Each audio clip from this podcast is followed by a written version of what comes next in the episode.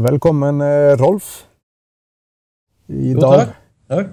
I dag har vi med oss eh, Rolf Skuterud, som eh, har vært med på flere videoer og, og, og snakka litt om ulike tema. Men i dag skal vi ta for oss strategi, markedsstrategi. Et tema som er vanskelig i starten. Det syns nå jeg, i hvert fall. Jeg husker sjøl når jeg var student og, og ble møtt av, av, strategi for første gang. Eh, det, det, var ikke lett å forstå det. Det er lite konkret, og så finnes det mange ulike syn og, og tilnærminger til det. Så, så, det er veldig bra at du stiller, Rolf, og, og hjelper oss å, forstå det temaet her, eh, som er viktig, litt bedre. Ja, jeg bare håper at ikke vi avslutter med at forvirringen er på et høyere nivå enn når vi begynte. Men eh, la oss se hva vi Eh, kan få avklarhet i dette. For jeg er jo klar over at jeg har gitt, tatt nattesøvnen fra mang en eh, student og skulle få et grep om alle disse strategimodellene. Du har vel en foil, tenker jeg, som, eh, som er med på å, å, beskrive dette. Og det er klart at eh, man kan jo miste livsmotet av å se inn i, i denne verdenen av begreper. Eh, og lure på i hvilken ende begynner vi, og i hvilken ende slutter vi. Eh, for meg så er det ganske enkelt. Det er et, eh, Litt ute til venstre så står det situasjonsanalyse.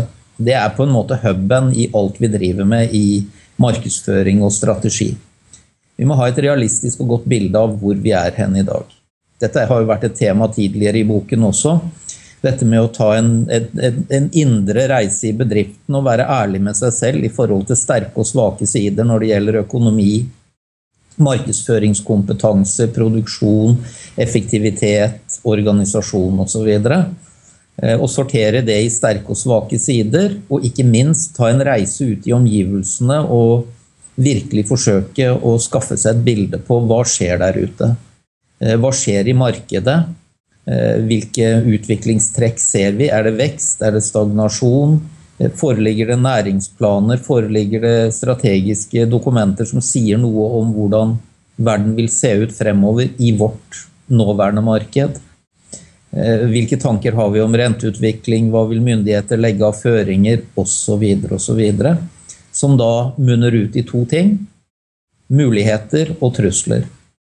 Eh, nå skal det jo sies at en trussel, f.eks. at konkurrenter beveger seg inn på markedet osv., egentlig har to komponenter en fare og en mulighet. Jeg pleier å si det at En konkurrent vil aldri finne på å etablere seg i ditt marked hvis han ikke så at du gjorde en litt for dårlig jobb. Så må du bare finne ut hvor du gjør en litt for dårlig jobb, og møte den konkurransen. Og Så kommer det markedsføringstrykket til å bli dobbelt opp, for nå vil de inn og bruke penger for å få en posisjon. Mens du er den kjente og lokale. Og, eh, men det er en wake-up call. Men så er det da altså en del muligheter som dukker opp, som gjør at de har et potensial for, for vekst og utvikling. Eh, så ser, men så hvis vi ser litt på venstresiden nedenfor der, så står det overordnede mål og strategier. Det er på en måte det langsiktige rammeverket vi jobber under. Det forteller noe om at vi skal være den ledende virksomheten innenfor vår bransje i vår region. Det er det langsiktige målet.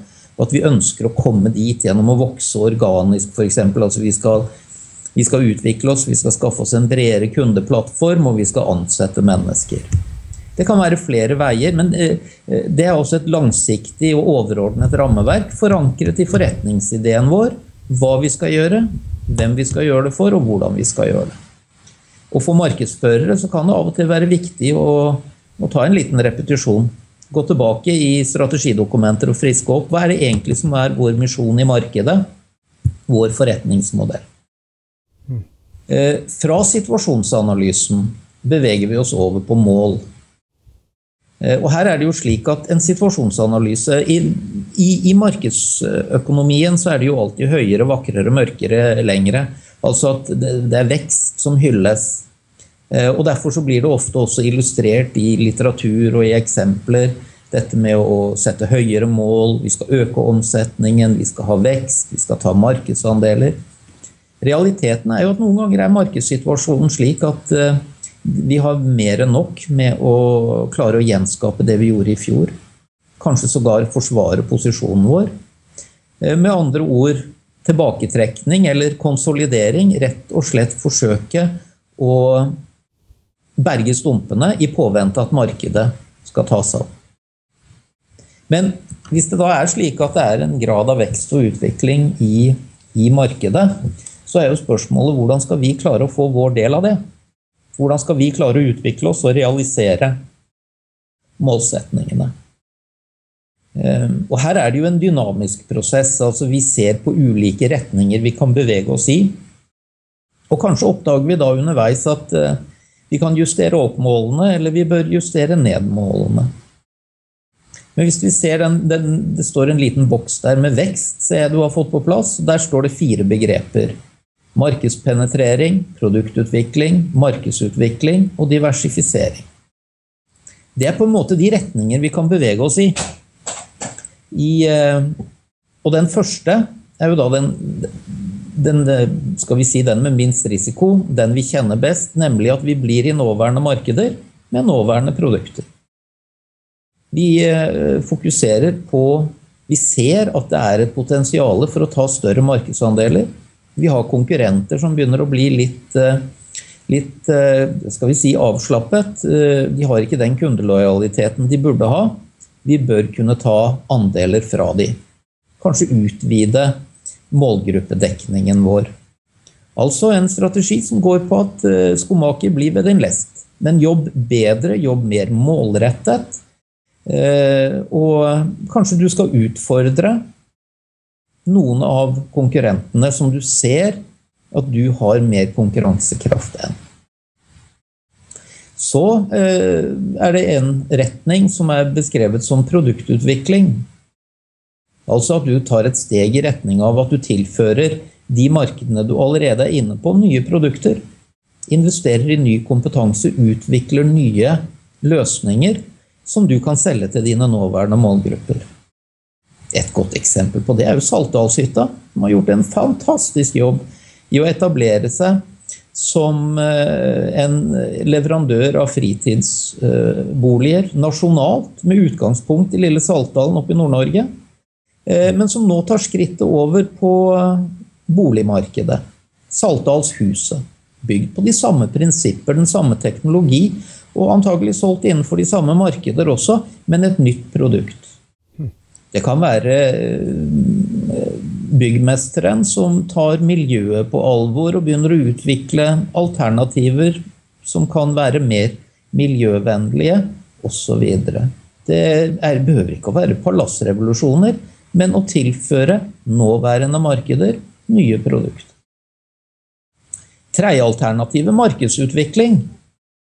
Hvis det går litt trått innenfor det markedsområdet du jobber på, kanskje har en hjørnestensbedrift blitt lagt ned. Eh, stemningen er generelt ikke det den burde være.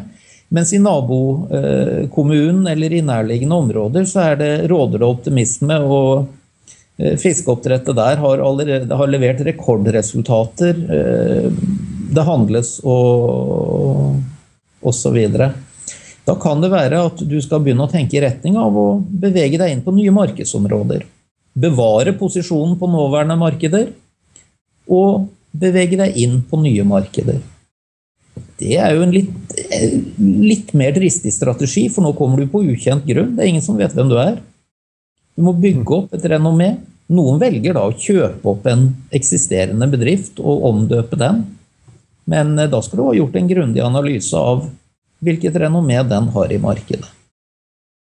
Eh, med andre ord bevege seg ut enten geografisk, eller kanskje du beveger deg fra forbrukermarkedet og inn på bedriftsmarkedet. Eh, og ser på det som en markedsutvikling. Vi skal ikke spikke fliser her. Det handler om å, rett og slett å gjøre seg noen tanker om hvor kan vi bevege oss videre og vokse. Så dukker det opp et eh, artig ord diversifisering. Aksjemeglere de snakker om at du har en diversifisert portefølje. Da har du aksjer i en iskremfabrikk og en paraplyfabrikk. Så om det blir regn om sommeren, så vil du tjene penger på paraplyfabrikken. Og blir det sol, så tjener du på iskremfabrikken. Så i snitt så vil du tjene bra. I vårt tilfelle så handler det om å spre seg ut, gjerne forankret i eksisterende eh, marked eller eksisterende kunnskap, men inn på nye områder. Ta et praktisk eksempel. I, i Bodø så har de en herlig plass som heter Lyst på. Det springer ut av en tidligere fin restaurant man hadde i byen, hvor, hvor man lagde et konsept hvor kunder kommer og betaler en fyrstelig sum for å gjøre jobben til kokkene, nemlig lage mat. Kokkene går rundt eh, og gjør det kokker er kjempegode til. De berger en aioli med bare en liten skvett kaldt vann. De ordner en saus med litt sånn småtriks. Og de gutta som jobber der, eh, det har i hvert fall vært i hovedsak gutter når vi har vært der på ulike arrangementer, de er sånne små tryllekunstnere som går og drysser litt magisk pulver oppi. Og så passer de på at du får tilstrekkelig vin til at du smiler når du får regningen, for den er dryg. Men det, det, illustrerer at de da bruker sin kompetanse på et nytt område og sprer seg ut. Eh, og det, det, det kan tjene som et eh, eksempel på diversifisering. Det kan også være byggmesteren som, som begynner skole for hjemmebyggere, hadde jeg nær sagt. Nye områder. Når du har gjort disse valgene, så vil jo det neste være hvordan skal jeg konkurrere på disse produktmarkedene? Eh, skal jeg utfordre noen? Hvem? Er målet mitt på et tidspunkt å bli markedsleder og gå inn i en markedslederstrategi? Altså, en markedslederstrategi velger du ikke, den havner du i fordi du er den største på markedet. Eh, skal jeg beholde en litt lavere profil, ikke gjøre meg utsatt for for mye oppmerksomhet, og bare følge etter? Eller skal jeg bevege meg inn i en nisje? Og dette kan jo kobles opp i altså kan, eh, Markedspenetrering kan jo skje også gjennom at du styrer virksomheten din over i en nisje og blir konge innenfor den nisjen. Eh, men det kan også skje gjennom at du utfordrer bestemte aktører. Går du inn på nye markedsområder, altså markedsutvikling, så kan jo det å satse i en nisje være en, en god inngangsstrategi til du får et fotfeste, får tenkt deg om, så går du over på en mer utfordrende strategi. Mm.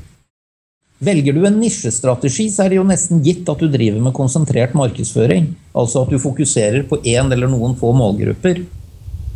Etter hvert som du da utvikler deg og endrer strategi, så må du begynne å tenke kanskje noe mer differensiert. Men eh, for den saks skyld så kan man jo gå inn i et nytt marked helt udifferensiert også. Eh, da blir det kanskje markedet mer som styrer deg, enn du styrer markedet. Når du begynner å få dette klart i hodet Jeg skal trenge dypere inn i eget marked. Jeg skal utfordre noen aktører. Jeg skal konsentrere markedsføringen min om noen målgrupper. Så begynner du å trimme til marketingmiksen din, altså de fem p-ene. Og selvfølgelig har du da blinket deg ut konkurrenter som du ser har visse utfordringer i forhold til at de henger etter når det gjelder produkter. Der kan du være en spiss. De klarer ikke å levere til de prisene du klarer, fordi du har gått gjennom din produksjon. Du har trimmet den til. Du er konkurransedyktig på disse områdene. Eh, kanskje finner du ut at du bare ved å, ved å flytte, komme inn i et mer sentralt handelsområde, bli mer synlig og attraktiv, så kan du faktisk evne å ta andeler fra andre på det. Gjennom påvirkning. Bli dyktigere i å bruke nye eh, kommunikasjonsmedier osv. Og, så og ikke minst gjennom personalet, som jo til syvende og sist er de som vinner slaget for deg. Hm. Ehm, jeg vet ikke, altså det, det, er mulig at noen nå på et tidspunkt blir mer forvirret enn eh, avklart, men eh, la meg bare prøve å oppsummere dette her kort. Vi tar temperaturen. Vi analyserer situasjonen, er ærlige med oss selv og realistiske. Med det som utgangspunkt så tar vi ett skritt tilbake og så sjekker vi av bør vi justere våre overordnede mål. Er det noe i situasjonen nå som tilsier at det bør gjøres? Nei? Ok, da går vi løs på målene våre.